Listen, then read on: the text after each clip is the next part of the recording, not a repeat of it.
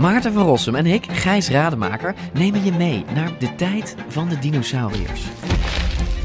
Ja, jij vindt het gemene beesten Het gewoon eigenlijk. gemene beesten. Ja, Kijk, kijk naar ze. Beesten zijn niet gemeen. We zijn het eigenlijk nooit eens. Maar T-Rex is toch veel sexier. Nee, ik vind de kakkerlak net zo sexy als T-Rex. Ja, ik zie dat je daar moeite mee hebt. Voor iedereen die vroeger al van dino's hield en nu nog steeds een beetje, luister naar DinoCast.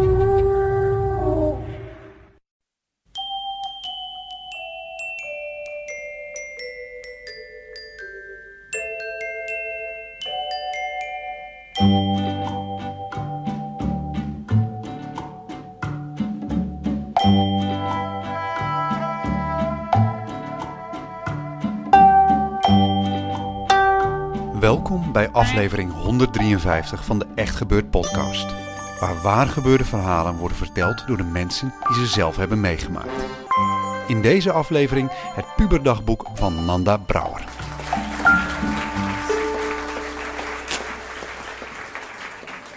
...29 september 1993. Ik ben al 14 jaar. Oh, wat een vreselijke foto. Ja, we hebben weer schoolfoto's gehad. De grote portretfoto houden we niet. We laten een zwart-wit foto uitvergroten. Ik heb nu ook pasfoto's van Jens, Steven, Kobi, Maaike, Charlotte en Daphne. Van Niels zou ik ook nog krijgen. Oh, ik wil niet verliefd zijn. Vanaf nu vind ik Niels alleen nog maar aardig. 30 november 1993. Hallo, overmorgen is Kobe jarig en we gaan met z'n allen een groot cadeau kopen. En van Ivank heb ik ook mijn lesje wel geleerd. Zij is met haar vriend naar bed geweest zonder condoom en vraagt zich af of ze nu zwanger is. Ja, dat had ze zich beter eerder kunnen afvragen. Ze wacht nu tot volgende week tot ze ongesteld is voordat ze naar de dokter gaat. Nu durft ze dat nog niet. Ik hoop echt dat ze niet zwanger is. Ik zie haar al lopen met zo'n dikke buik. Ben ik nog verliefd? Nou, eigenlijk niet volgens mij. Ik bedoel, ik vind Olaf, Danny en de jongen uit Haarlem en Joost wel leuk, maar verliefd ben ik niet. ik kom de ware nog wel tegen. Ik ga maar stoppen. Kusje van mij. 1 december 1993, 13 jaar, 14 jaar. Hoi, ik lig in mijn bed en het is kwart over tien en ik ben bang. Ik ben bang dat Ivanke zwanger is. Ik ben bang dat mijn oom en tante uit elkaar gaan. En dat is bijna zeker. Ik ben bang dat mijn poes Leentje doodgaat. Hoe ik daarop kom, weet ik niet. Ik zie allemaal visioenen dat ze door een auto wordt overreden. En ik ben bang voor aids.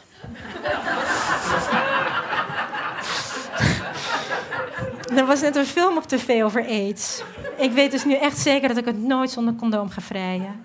Maar nu ik weet dat Ivanka en Alice wel zonder condoom naar bed zijn geweest, maak ik me toch wel zorgen. Stel dat ze bijvoorbeeld aids hebben.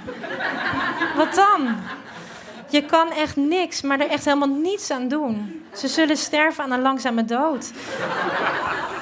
En toch mag je niet gaan zitten treuren en depri zitten doen als je aids hebt. Want je moet toch verder met je leven. Maar het lijkt me zo moeilijk. Waarom ik hierover schrijf, weet ik niet. Het kwam gewoon in me op. En meestal helpt het als je het van je afschrijft. Het helpt ook wel, maar ik blijf toch bang. Mijn angst is niet zo heel erg groot, maar er is wel angst. Stel nou dat Ivan zwanger is, wat dan? Een abortus kost geld en het kind kan ze in feite ook niet houden. En het lijkt me ook zo moeilijk om het af te staan. Ik hoop echt dat ze haar lesje heeft geleerd. Ik wel in elk geval. Ik zal het nooit, maar dan ook nooit zonder condoom doen. Zeker niet mijn eerste keer. Ik wil gewoon dat alles weer normaal wordt. Zonder scheidingen, zonder ongewenste zwangerschappen, zonder aids. Gewoon zonder de angst dat er iets verkeerd zou gaan. Angst omdat de wereld vergaat heb ik niet. Als de wereld vergaat zijn de slechte dingen ook meteen weg. Geen aids, geen oorlog, geen onzekerheid. Geen slecht milieu. Alles zou dan veel beter zijn als dat allemaal weg zou zijn. Maar dat is de weg van tegenstellingen. Oh, ik heb het geleerd bij geschiedenis. Als je al het negatieve zou oplossen en je dus alleen maar iets positiefs zou hebben, zou je toch ook weer negatieve dingen krijgen. Dus dat komt altijd samen, dat zal altijd ook wel zo blijven. We kunnen er niets aan doen. Wow, wat ben ik weer filosofisch bezig? maar ik ben wel opgelucht, zeg. Dit zal ook allemaal wel weer overgaan. Ivanka wordt gewoon ongesteld. Leentje blijft nog heel lang leven. Ze is nu zeven, dus wel minstens negen jaar. En ik krijg nooit aids, hoop ik. Als ik tenminste altijd veilig vrij. Maar ja, zelfs dat is niet genoeg. Want als je besmet bloed bij jouw bloed krijgt, zelfs zonder jouw schuld, heb je ook een hele grote kans op aids. Wat is dit toch voor wereld, zeg? Het milieu is kloten, aids is kloten, de wereld is kloten. Waarom is er oorlog uitgevonden? Dat is toch gewoon onnuttig? Iemand neerschieten voor een stuk land of zo. Echt belachelijk. En die leiders zitten lekker droog in hun villa, in een of ander oord. Laat de leiders lekker zelf tegenover elkaar gaan staan en elkaar doodschieten. In plaats van dat ze een hele leger optrommelen waar ze niets in horen. Stelletje lafaards. Het is nu tien over half elf, dus ik ga maar slapen. Kusje moi. Welterusten. 3 september 1994. Ik ben dan 15. Alice is zwanger. Ze weet het zeker. Haar ouders ook. Ze heeft het mij vanavond verteld.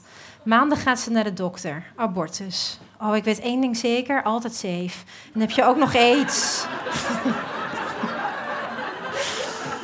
20 september 1994. Vandaag is ze dus naar die kliniek. Ik heb me de hele dag afgevraagd wat er met haar gebeurde.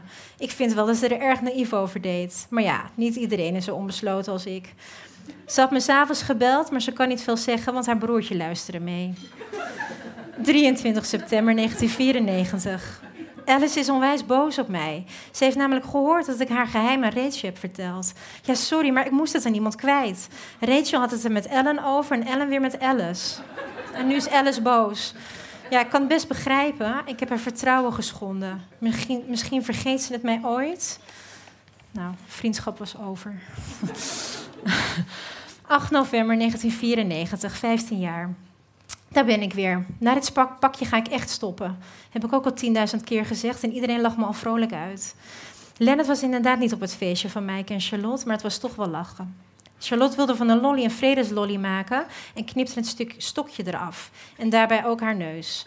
Het bloedde als een gek en de, de, de, de Danny zou wel even komen kijken, want hij had een EHHBO-diploma. Best wel lullig voor hem dat stotteren, maar daar kan ik ook niks aan doen. Danny heeft het bloeden gestopt, de neus mooi schoongemaakt. Maar toen moest er toch nog een dokter bij komen, want hij wist niet of het gehecht moest worden. Alle dokters gebeld en niemand wilde komen. Iemand heeft toen wanhopig de politie gebeld, waardoor de anderen weer in paniek raakten, want er was gesnoven. Politie kwam, gingen naar een lot en zeiden dat ze er niks op konden doen en zijn weer weggegaan. Wietek heeft toen haar vader maar gebeld. Die is ook dokter. Hij heeft Lots neus mooi gelijmd en al die tijd zat Nika bezorgd naast haar. Echt heel lief. Verder was het net een orgie. Iedereen zoende met iedereen. Yvonne ging met Danny, Meike ging met Danny, Meike ging met Roland, Meike ging met Maurice, Maurice ging met Nienke, Nienke ging met Andrew en Nienke ging met Martijn. Ik ging met Sander van de stofzuigerzakjes. Echt, die stond op de markt en die verkocht stofzuigerzakjes echt heel per ongeluk. Karen en ik zaten met hem te praten en opeens kwamen op Richard. Dus ik vertelde dat Karen vrijdagavond was gedumpt door Richard en dat ze dus dat helemaal niet leuk vond. Ah, wat zielig, zal ik je troosten, zei hij. En voor ik het wist, toen hij mij op mijn wang, op mijn mond en hap.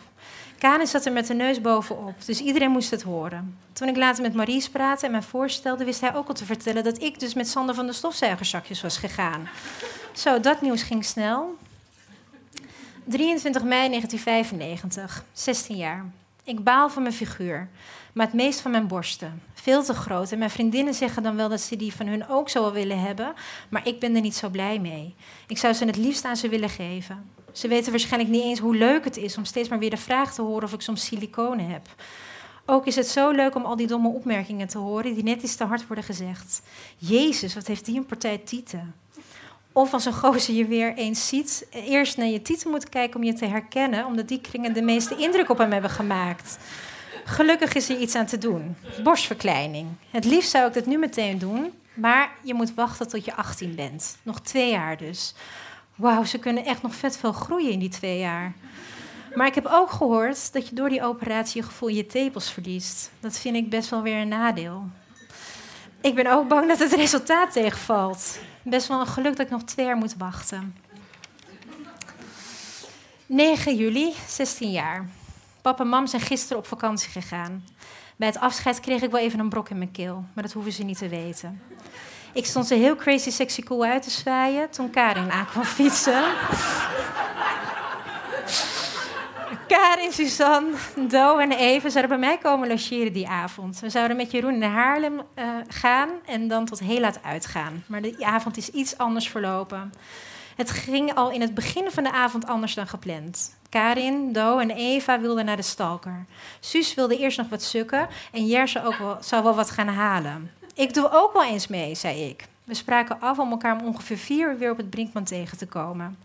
Oké, Suzanne, Jer en ik gingen eerst naar de Lost Boys. Jer ging wiet halen en teruggekomen begon hij ijverig te brokkelen en te draaien. Terwijl Suus zat te kloten met haar joint, had hij hem al af en gaf hem aan mij. Oké, gewoon sukken, dacht ik. En ik begon te roken. En hoe meer ik rookte, hoe meer ik me afvroeg of ik dit eigenlijk wel wilde. Susanne had het jointje ook eindelijk af en wilde wel wat van de mijne. Ik zat al ver over de helft en het begon al te werken. Een tintelig gevoel beheerste heel mijn lichaam. Ik wilde ineens heel erg graag weg. Ik voelde me daar toch al niet thuis en nu al helemaal niet meer. Oké, even naar de wc. Polsen onder de kraan hielp misschien wel. Not. Naar buiten. Ik moest Suus vasthouden. Ik riep echt zo raar in mijn eentje. Ineens zaten we in een heel ander straatje. Ik kan me niet herinneren hoe we daar zijn gekomen, maar ineens waren we er. De straat vind ik wel wat weg hebben van een interview with a vampire. Ik had het gevoel alsof iedereen naar me keek. Echt heel paranoia. Suus en Jer kwamen me achterna. Ik voelde me onwijs kut. Alles bewoog veel te langzaam, alsof het een series foto's waren. En ik hoorde Suus en Jer heel vaag en heel ver weg praten over hoe stoned ik wel niet was. We zijn wat verder gaan lopen totdat we een bankje vonden. Het verbaasde me hoe agressief ik was. Een vriend van Jeroen begon een heel verhaal te lullen en ik irriteerde me dood aan hem. Voor mijn gevoel duurde dat verhaal echt onwijs lang. En ik wilde niet dat hij zulke domme verhalen vertelde waar ik bij was. Jer, de schat, was onwijs bezorgd en hij ging wat te eten en te drinken voor mij halen. En juist toen hij weg was, kregen Suzanne en ik een onwijs lachkick. Dat was wel tof. Er liep een vent met een hond voorbij en dat was echt zo grappig. En later. ja, dat was het ook. Later kwam die vent weer en ik wist zeker dat ik hem ergens van kende. Ik wist alleen niet meer waarvan. En toen zag ik die hond en die liep op vier poten. Alles wat ik wilde zeggen kwam onwijs voor op mijn bek uit. We zijn toch nog naar de stalker gegaan en Suus wilde de hele dansen. Maar ik had absoluut geen zin. Ik wilde alleen maar zitten en naar huis.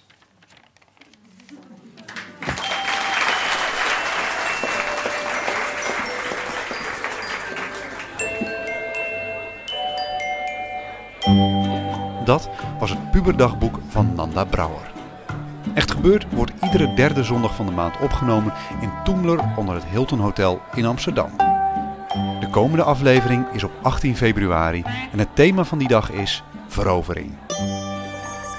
Mocht je zelf iets of iemand hebben veroverd of zelf spectaculair zijn veroverd, ga dan naar www.echtgebeurd.net om je aan te melden. De redactie van Echt Gebeurd bestaat uit Paulien Cornelissen, Micha Wertheim, Rosa van Toledo en ikzelf, Maarten Westerveen. De techniek is in handen van Nicolaas Vrijman en Gijsbert van der Wal. Tot de volgende keer. En bedenk, als de wereld morgen vergaat, is je studieschuld ook meteen geregeld.